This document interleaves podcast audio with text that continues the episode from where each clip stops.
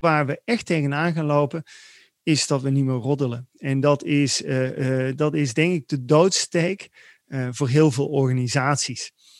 want zonder roddelen kun je geen fatsoenlijke groep hebben. Dit is de Mensrots. Over instincten en oerdriften, over rationeel handelen en beschaving. Ik ben Bas Westerweel en in deze podcastserie ga ik in gesprek met gedragsbioloog Patrick van Veen, die bij alles wat hij ziet, hoort en ruikt zich afvraagt: wat zijn we toch aan het doen hier op de Mensenrots?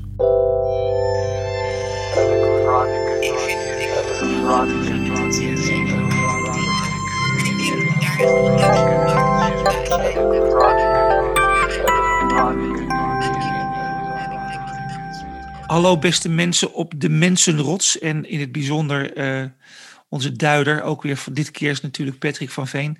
Um, Patrick, fijn dat je er weer bent. Uh, voordat we aan ons onderwerp van uh, vandaag gaan beginnen, er was een oplettende luisteraar en die zei: uh, luister eens eventjes, je moet het ook nog hebben over dat kameraadschap, want dat hebben jullie een keertje zeg maar neergelegd in die podcast, De Mensenrots, maar je hebt het er nooit echt over gehad.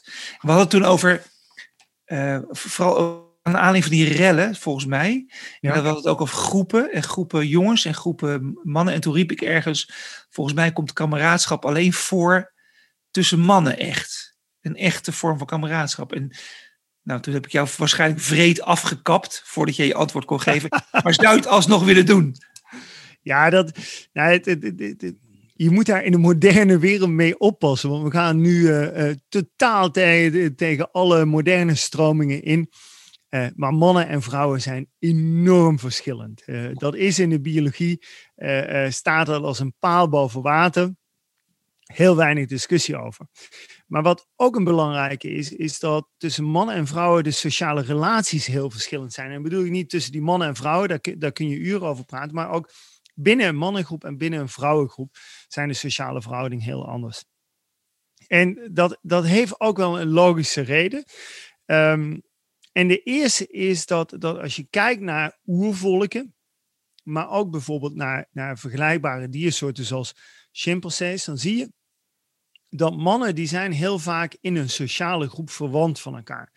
als je, uh, ik vind het altijd mooi om naar Maasai te kijken.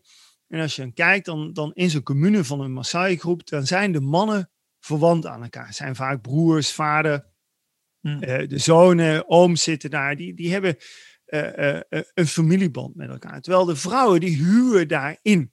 En mhm. dat is eigenlijk ook in de mensenwereld zoals wij die kennen in nou ja, Noordwest-Europa. Ook nog niet zo heel erg lang geleden dat dat de traditie was.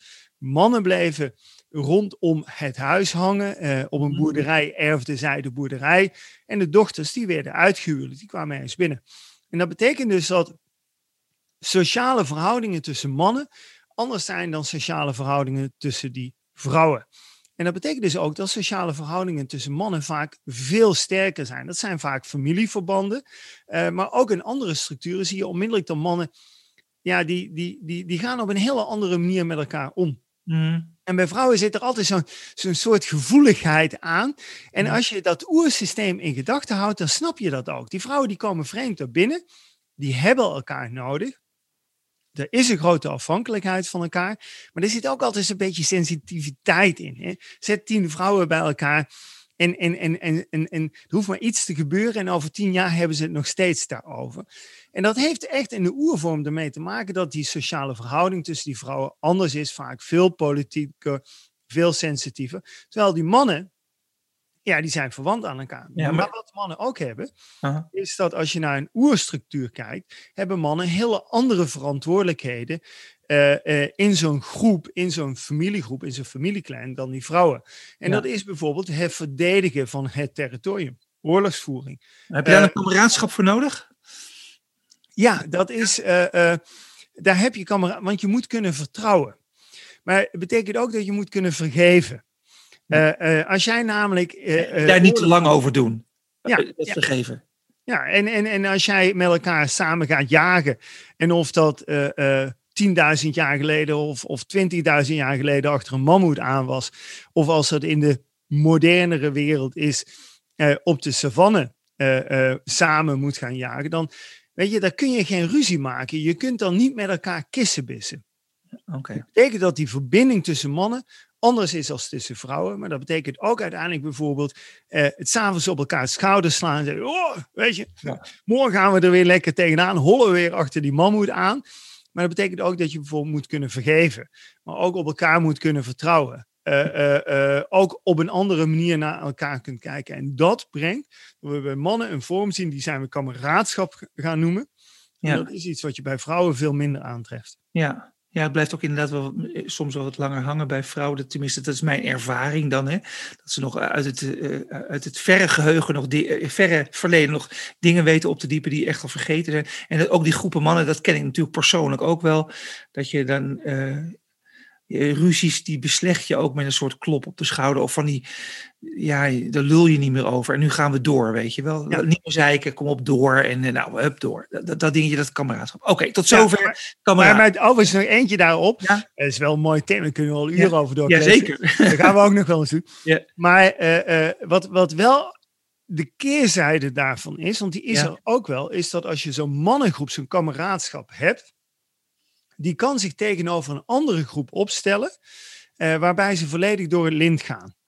Hè, Ja. Dus, dus eh, je bent ook wel heilig in zo'n Hmm. kameraadschap. En dat betekent ook dat die structuren zie je ook terug in criminele bendes.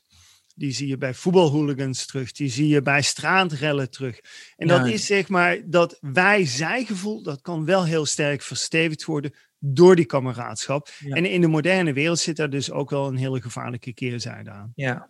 Nou, we gaan er zeker, en dit zijn natuurlijk altijd onderwerpen die hier en daar weer terugkomen en er doorheen fietsen als we tegenkomen. Maar goed, we hebben die vraag van die oplettende luisteraar even beantwoord nu. Zover kameraadschap. Maar we kunnen misschien ook wel doortrekken, die kameraadschap, naar het onderwerp waar we het echt over willen hebben. Is, kijk, wij zitten niet naast elkaar. Als we elkaar, zeg maar, een podcast hadden gemaakt in een soort van normale wereld, dan hadden we naast elkaar gezeten. En Ja. dan had ik jou in de ogen gekeken. Had jij mij in de ogen gekeken. En dat doen we niet. We kijken nu in een schermpje naar elkaar. We willen elkaar, we hebben afgesproken, ook al is het een podcast, willen we elkaar toch zien. Op een of andere Ja. manier eh, vinden we dat fijn. Hebben we altijd afgesproken, het geluid zenden we hiervan uit. Ehm, ik ervaar wel een kameraadschap, zeg maar, nu online. Maar het is natuurlijk, ergens voelt het ook hartstikke nep of onecht. En zit ik de hele tijd naar mezelf te kijken, ook voor een deel. Ja, dat, dit is natuurlijk een, een, een, een Hebben we wel contact, zeg maar? Dat is Nou een- ja, dat, dat, dat is wel een grote, een grote vraag. Nou, er is wel iets bijzonders aan de hand, even tussen ons tweeën, maar dat zal ik dadelijk eerst zeggen. Wat, wat denk ik een belangrijke constatering is, is dat wij opeens sinds maart eh, 2020 veel meer online zijn gaan werken. Dat geldt voor heel veel mensen, van huis uit. Opeens zit je achter zo'n schermpje, eh, eh, eh, of dat nu Zoom of Teams of wat dan ook is. Eh, eh, nou, precies wat je zegt. Hè. Je zit naar jezelf te kijken met een microfoon of gewoon via de audio eh, van de laptop. En, en dat is voor heel veel mensen nu de dagelijkse wereld geworden. En, en, en we zijn nu bijna een jaar verder. En de grote vraag is: wat, wat levert dat op? Hè? Ik hoor heel veel mensen zeggen: ja, maar het is wel vermoeiend. Dan zit je een hele dag naar, naar zo'n scherm te kijken. Ja, dat kan vermoeiend zijn. Ehm, maar een van de grote vragen die ook daarbij speelt, en, die hoor je nu langzaam steeds verder terugkomen. In hoeverre heb je wel echt contact met de ander? En precies wat je zegt, hè, je, je zit naar jezelf te kijken. Ehm, als je met, nou, wij zitten nu met z'n tweeën, maar als je nu met vier of vijf mensen zit, ja, dan wordt het toch al een stuk complexer om te volgen. Mhm. Wat zijn die sociale dynamieken? En normaal als je fysiek in één ruimte zit, dan, dan kun je niet alleen weten wie jij aankijkt, maar je kunt ook heel mooi zien wie zit naar elkaar te kijken. Dus je- je mist echt non-verbale communicatie. Waarom is dit contact tussen ons nu net weer een klein beetje anders? We hebben ook podcasts live opgenomen. Gewoon, nou, dit is ook live, maar, maar Wandelend in het bos. Ja, Ja, ja, dat we aan elkaar konden snuffelen. Ja. eh, we op veilige afstand van elkaar liepen, maar echt fysiek in een omgeving waren, zonder dat er een scherm tussen zat. En een voordeel daarvan is, is dat je veel sneller ook leert in te schatten wat is die communicatie van de ander. Hoe communiceert de ander? Ja. Eh, hoe moet ik non-verbale communicatie interpreteren? Eh, eh, ik zie jouw kop, maar omdat ik je totale lijf ook al eens ooit heb gezien, snap ik ook een klein beetje hoe beweegt dat daaronder. ja. En, en dat is heel basale informatie, maar die wel heel belangrijk is om in die relatie iets te kunnen inschatten. En dat is ja, wat is daar belangrijk van? Wat, wat, zie, wat, kan een, wat doet dat aan een relatie dan? Nou, wij, wij hebben, als, als wij met mensen samenwerken of we, we, we, maken dingen samen of we moeten iets van elkaar, dan zijn een paar dingen heel belangrijk. Uh, je gaat met elkaar een formele structuur aan. Onze formele structuur is dat, dat ik beantwoord vragen, jij stelt ze. En we hebben een soort rolverhouding en die, en die is heel cruciaal. Um, wat we ook hebben, is dat we een aantal gedragsregels met elkaar hebben. Uh, uh, we praten af en toe een beetje door elkaar heen, maar we snappen ook wel ongeveer wat wel kan en wat niet kan. We hebben gedragsregels, we spreken gewoon jij tegen elkaar. Het zou ook kunnen zijn dat we heel formeel u tegen elkaar zouden gaan zeggen, maar dat hebben we allemaal met elkaar wel afgesproken. Um, en daarna zijn er ook rituelen. Um, het grappige is, wat mensen natuurlijk nooit in de podcast horen, maar voordat jij op de recordknop drukt, dan hebben wij ook altijd even, hè, hoe was jij werk en uh, nou, hoe staat het er allemaal voor? Een beetje dat chit-chatten, een beetje de small talk, al die uitwisselingen. En het bijzondere is, lichaamshouding, communicatie gaat over veel meer dan die woordenuitwisselingen die we hebben. En op al die drie niveaus die ik net benoemde, zie je dat ook al terugkomen. op het moment dat, dat als ik aan het woord ben en ik zie jou achteruit deinzen, um, nou ja, dan, dan weet ik, daar, daar gaat iets fout. Dus ik let wel op jouw gedrag. Als ik jou zie lachen, dan zou nou weet je, ik, ik, ik raak wel ergens een punt dat zin maakt. Dus ik kan heel veel aflezen van jouw non-verbale communicatie. En dat gaat op alle drie de niveaus. Um, en, en meestal als, als de podcast een einde is, dan zie ik ook wel jouw lichaamshouding een beetje veranderen. En dan heb jij op de tijd geleden. En dan zeg ik, hé, hey, wacht even, ik moet gaan afronden. Nou, al die communicatie, die informatie op al die verschillende niveaus, mm dat, dat geeft mij input en dat, dat vertelt ook hoe kunnen wij nu samen iets produceren? Hoe kunnen wij samen iets maken? Ja. En met twee mensen gaat dat eigenlijk nog heel goed. Ja. Maar als je in grotere groepen online gaat overleggen, wordt dit een heel complex proces. Maar, maar toch is het de roep ook. Hè? We vinden het ook, er is ook wel iets gebeurd in de zin van: hey, we kunnen ons ook op een andere manier organiseren. Het is ook wel snel contact. Hè? Ik zeg ook wel eens van: het lijkt wel, we zijn goed in verbinding, maar zijn we nou echt verbonden? Of uh, dat gevoel waar ik het net over had, wat er misschien niet is, of dat je de rest van het lijf mist om meer informatie te kunnen krijgen. Uh, ja, dat, dat begrijp ik. Maar de roep om een soort van efficiency of snel met elkaar in contact en snel de dingen af kunnen handelen, dat kunnen we ook in de toekomst wel eens meer gaan inzetten dan we al deden. Um, ja, dat heeft dus gevolg waarschijnlijk ook dan voor het gedrag, of zoals ik jou dan hoor praten, voor het lezen van elkaar uh, tijdens een aantal sessies. Of dat gaat ja. invloed hebben, denk ik dan. Nou, wat je, wat je ziet, hè, die efficiency-slag, uh, dat, dat vinden we heel belangrijk. Of ja. belangrijk, maar dat, dat, dat vinden we wel een, een, een toegevoegde waarde. Ja. Wat we overigens vergeten is dat heel veel dingen rondom een vergadering fysiek gebeuren, die wij vaak zien als niet efficiënt, maar die wel een toegevoegde waarde hebben. En wat is bijvoorbeeld de toegevoegde waarde van als je, als je gemiddeld kijkt naar, naar een, een Zoom-vergadering op dit moment? Mensen bellen in en dan, uh, dan moeten twintig mensen inbellen. En dan zit iedereen een beetje naar zijn mobiele telefoon te kijken. Ze zitten naar het scherm te kijken. En, en iedereen is gemute. Dat vinden we belangrijk. Iedereen moet muten. Nou, dus laat ik iedereen een tip geven. Als je vergadering begint, allemaal de microfoon open. En waarom vind ik dat zo cruciaal? Omdat als je een vergadering, mijn, mijn vak is observeren. Als ik normaal een vergadering observeer, dan komen mensen binnen en die staan bij elkaar, die pakken een bak koffie erbij en staan te kletsen. Overal zie je van die groepjes ontstaan. En wat gebeurt er in die groepjes? Daar wordt voorvergaderd. Ja. Daar wordt uiteindelijk ook gecheckt, hey, hoe zit jij er vandaag in? Dat vragen mensen niet letterlijk. Maar wat mensen vragen is eigenlijk, hoe was jouw weekend? Hmm. En, en je, je weet wel uit het antwoord ongeveer, nou, die hadden een slecht weekend. Dat gaat vandaag een heel lastige vergadering worden.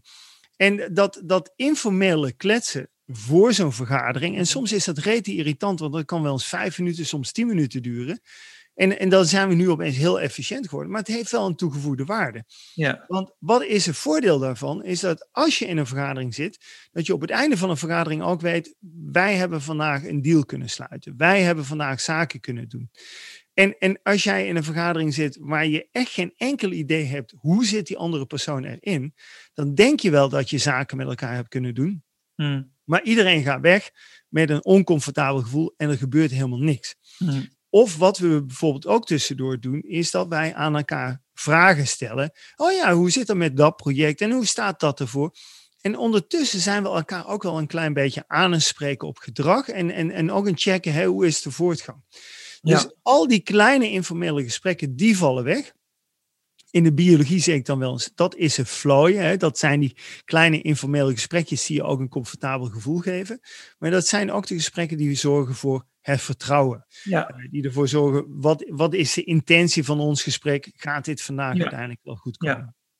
Weet je wat ik ook vind? Dus ik net na te denken, eh, terwijl je aan het spreken was, ik kijk jou aan, maar je bent nu ook voor mij een, een filmpje op YouTube. Begrijp je? YouTube is voor mij afleiding. Eh, dat is het laatste wat we willen. We willen goed naar elkaar luisteren. Dus ik merk dat het kijken naar dit apparaat waarop eens iets anders afspeelt dan het filmpje op YouTube, namelijk jij die iets zinnigs aan het vertellen is of die aan het duiden is. eh, dat is heel grappig. Dat wisselt steeds in mijn, zeg maar, onder mijn schedeldak. Missen daar eh, merk ik dat ik aan het schakelen ben. Eh, Dus het geconcentreerd blijven kijken naar iets wat normaal ook me afleidt, dat vind ik ook een gek ding. Ja, en, en wat je ook niet eh, moet, moet vergeten is dat hè, het beeld kan zelfs al afleidend zijn. Eh, want, want wat je ook moet realiseren, als, zeker als we met z'n twee of drie of vier zitten, dan enerzijds is het heel lastig te zien wat er gebeurt. Ja. Maar aan de andere kant hebben wij een focus op een A4'tje. Terwijl als jij in een overleg zit, kijk je om je heen en zie je dingen in de ooghoeken gebeuren. Dus het, het, het rare is dat door heel breed te kijken, word je minder afgeleid dan door de Ja. focus te hebben. Omdat je nu zeg maar details ziet gebeuren waarvan je denkt, wat doet hij nu? En dat zou je in een grote groep niet opvallen, terwijl je eigenlijk veel breder kijkt. Ja. En, en dat zijn hele kleine dingen die uiteindelijk tegenwerken. Daar komt ook nog eens bij, als je, eh, nou ja, ik doe heel veel online dingen vandaag de dag. Ik werk overigens ook voor een organisatie die al vier jaar online werkt. Dus ik, ik heb afgelopen, nou, ik ben er nu vier jaar verantwoordelijk voor de dagelijkse sturing, maar ik, ik zit er al wel langer bij die organisatie. En, en het bizarre is dat. de Jane eh, Goodall Foundation, hè? ja, ja eh, het, het Global Instituut van Jane Goodall Instituut. En ja, wat wij daar zien bijvoorbeeld is, wij, wij werken daar uitsluitend online. We hebben in Londen een virtueel kantoor. En eh, eh, het bizarre daarvan is ook dat je eh, ook merkt dat je langzaam erin hebt moeten rollen. Hoe doen we dit? En daar hebben we één hele belangrijke afspraak. Dit is de vergadering en daar ben je mee bezig. En wat de verleiding is, wat ik heel veel nu zie gebeuren als ik sessies observeer. Daar zit iemand zijn telefoon te controleren. Eh, daar zit iemand een bak yoghurt naar binnen te labelen. Daar zit iemand ondertussen zijn e-mail nog te doen. Daar komt een kind achterlangs voorbij hollen. De postbode moet ook nog open gedaan worden. En het effect daarvan is uiteindelijk dat er dus zoveel afleiding is dat je eigenlijk niet meer op die vergadering kunt concentreren. Mhm. Maar wat er ook nog eens gebeurt, is dat je na twee van dit soort vergaderingen of online sessies compleet afgebrand bent.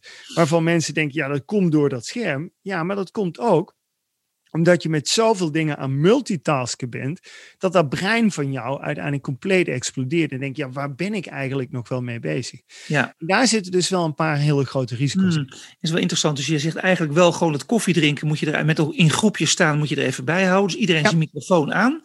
En tegelijkertijd zeg je, maar eh, wel geconcentreerd blijven in de tijd die je met elkaar afspreekt, eh, kijkend naar dat A4'tje. Ja. Eh, want anders dan, ja, dan, heb je helemaal, dan is er helemaal nul contact.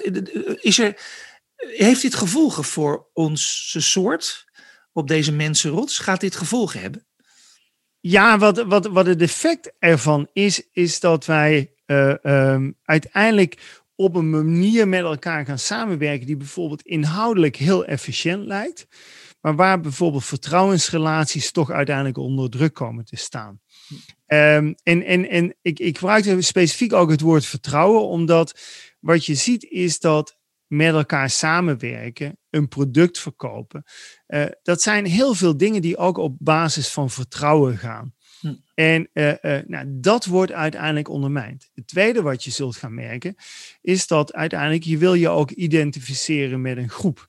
En uh, laatst hoorde ik iemand zeggen, die, die, die, die was midden in die coronatijd um, van baan gewisseld. En ze zegt, ja, het bizarre is, ik heb een nieuwe baan.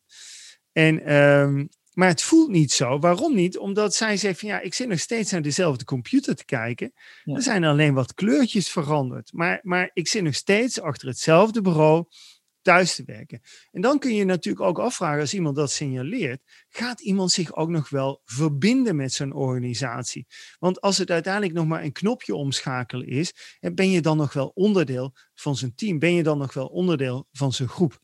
Hmm. En dat zul je ook op een gegeven moment gaan merken, is dat dat soort elementen heel lastig gaan worden.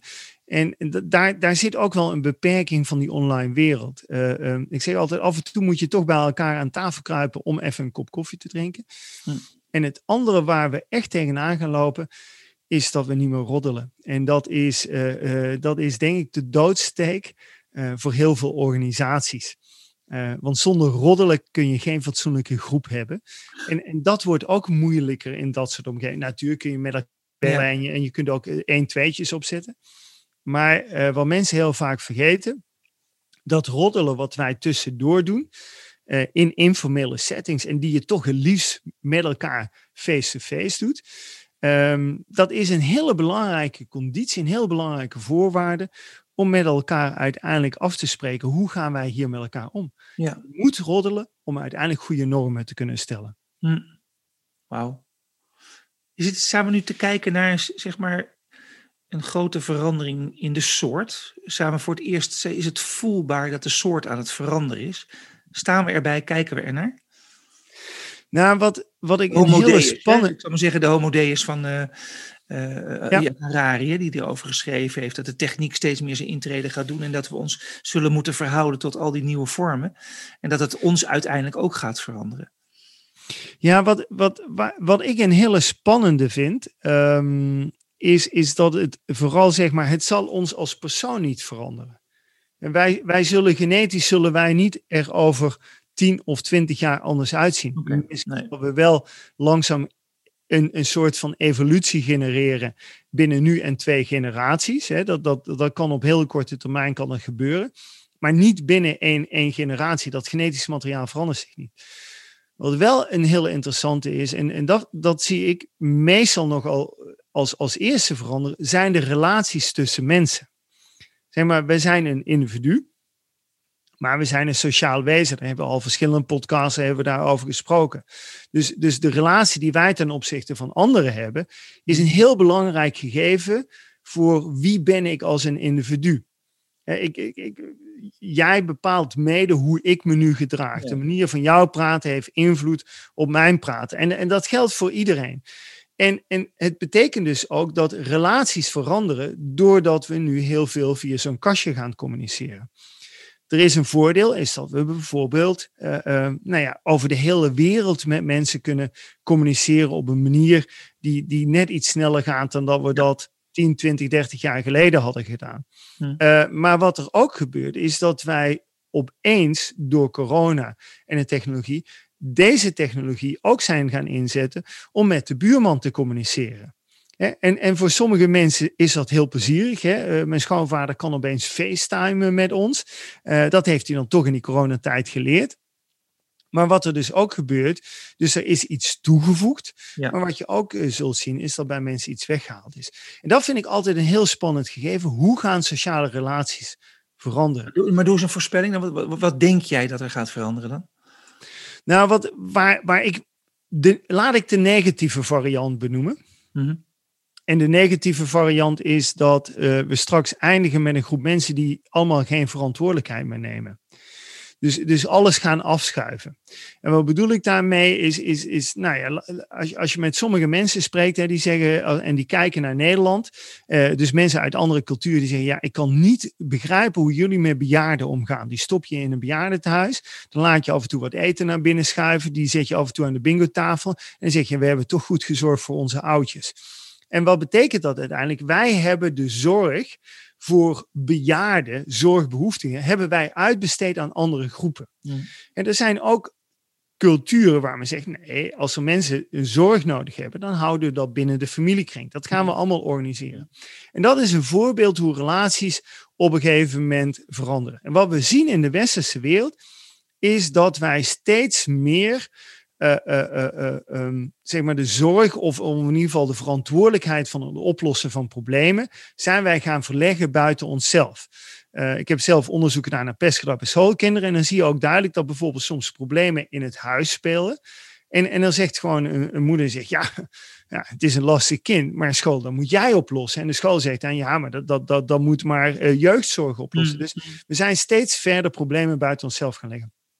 En het feit dat wij dus nu, zeg maar, ook relaties op een andere manier gaan opbouwen, zou best wel eens ertoe kunnen leiden dat we heel veel problemen buiten onszelf gaan leggen en vooral gaan delegeren aan andere groepen, omdat we die verbinding niet meer voelen. En, en, dat, en die verbinding niet meer voelen, maar wel verbonden zijn, wat we net hebben geduid, uh, zeg maar het online. Hè? Dat, dat, is, dat zou zulke, zulke grote gevolgen kunnen hebben, dat mensen niet meer verantwoordelijk zijn en de verantwoordelijkheid gaan afschuiven. Ja, kijk, wij, kennen elkaar, we, we hebben elkaar ook fysiek ontmoet. Als wij morgen een issue hebben, dan bel ik jou op en dan zeggen we, Bas, daar moeten we uit gaan komen. Ja. En dat komt omdat wij een soort vertrouwensrelatie hebben, dat wij een basis hebben, dat wij een probleem dat we gezamenlijk hebben willen oplossen. En komt het omdat we elkaar fysiek ook hebben gezien, denk je? Dat, dat, dat we dat op die manier Echt waar, ja? Ja, ja, dat komt doordat we elkaar fysiek hebben gezien. Dat, dat zorgt ook dat er een soort vertrouwensband ontstaat. Maar als jij voor mij een tweedimensionaal plaatje bent, ja. uh, uh, een, een, een, een, een fotootje of een YouTube-filmpje met een naam eronder, uh, dan, dan zie je uiteindelijk te zien dat, dat onze relatie heel erg gaat verzakelijken. Dus wat wij uiteindelijk gaan krijgen als wij een issue krijgen, dan ga ik dat escaleren en ga ik uiteindelijk iemand anders mijn probleem laten oplossen. En dan ga ik waarschijnlijk iemand opbellen en zeggen van, joh, weet je, ik heb een probleem met Bas, jij moet dat voor mij gaan regelen. Ja, of anderszins, dat, ik gewoon, dat je er geen gevoel bij aanmaakt. Hè? Dus dat het als het plaatje ook uit is, dat je ook weg bent. Nou ja, en, en dat is ook wat, wat ik bijvoorbeeld wel eens heb meegemaakt in, in, in crisismanagement online. Um, dat ik me wel eens verwonderd heb, is, is hoe hard dingen soms uitgesproken worden. Uh, um, een jaar of vijf, zes geleden mocht ik een, een crisismanager binnen het Django Instituut. En, en dat, het, het wonderbaarlijke is dat eindigde zelfs in doodsbedreigingen. Dat ik van die mailtjes binnenkreeg dat ik dacht van joh, hè, morgen komt iemand overhoop schieten. Dat ik dacht van wat, wat gebeurt hier? En, en wat ik me later pas realiseerde was dat in een normale crisis ga je bij elkaar zitten. Je kijkt elkaar in de ogen, je roept een team bij elkaar en zegt, jongens, daar moeten we even over gaan hebben. We hebben hier wel een probleem. We moeten... Dus je, je bent heel erg ook met die emotie bezig. En, en wat je dan ziet, is opeens dat die emotie er wel heel erg aanwezig is, maar mensen ook geen rem meer hebben. Ik bedoel, die hmm. mensen die mij allerlei verwensingen toestuurden, daarvan ben ik overtuigd dat als ik die mensen fysiek tegenover me had gehad dat niemand had gezegd van joh, uh, weet je, ik wil jou hierover opschieten. Maar wat ik wel merkte was dat, dat op het moment dat als er een soort ja, afstand is, ik ben een fotootje, ik ben een naam onder een e-mail, dan, dan zie je ook dat mensen geen betrokkenheid meer met jou hebben, maar er is ook geen begrenzing meer in hun gedrag. En we zijn begonnen met efficiency. En we hebben gezegd, we hebben allemaal apparaten hebben ontwikkeld en die maken het leven een stuk makkelijker, sneller. We kunnen verbonden zijn met de hele wereld, in verbinding zijn met elkaar. Um, moet, als je het zo praat, heeft het ook wel iets spannends in zich. Hè? Je wil eigenlijk niet dat het ook zo gaat worden. Je wil eigenlijk ook gewoon voortdurend in verbinding zijn. Ik begrijp ook wel door de pandemie dat het niet kan. Um, is er nog iets, zeg maar, te, te redden? Of gaan we het ook vanzelf doen, dat te redden? Dat we toch weer terug willen naar het fijne gevoel met elkaar in de kring? Ja, ik, ik, ik, ik denk dat wij uiteindelijk ook straks weer met elkaar in de kring gaan zitten. En, ik ben er ook van overtuigd dat we een stukje van de technologie gaan behouden. Ehm, maar waar we tegenaan gaan lopen is ook de beperking van de technologie.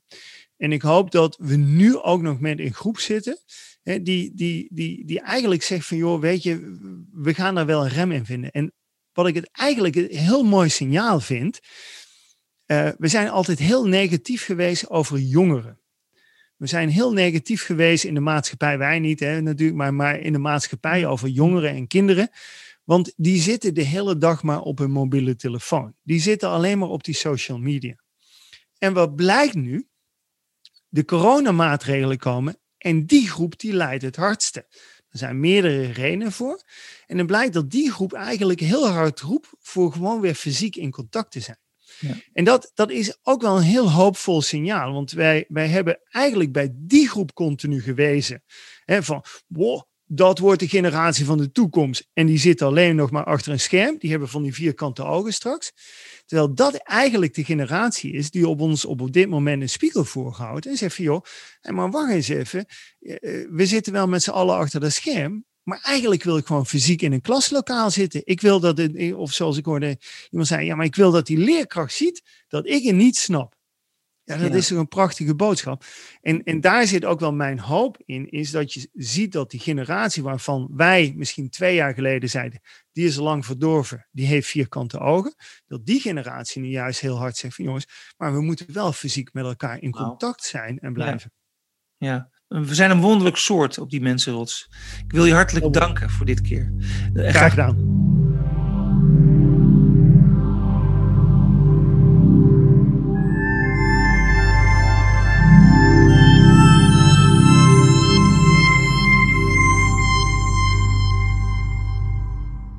Dit was De Mensenrots. Abonneer je nu op deze podcast via Spotify, iTunes of jouw favoriete podcastplatform en ontvang elke week een nieuwe aflevering vol vergezichten en hersenspinsels.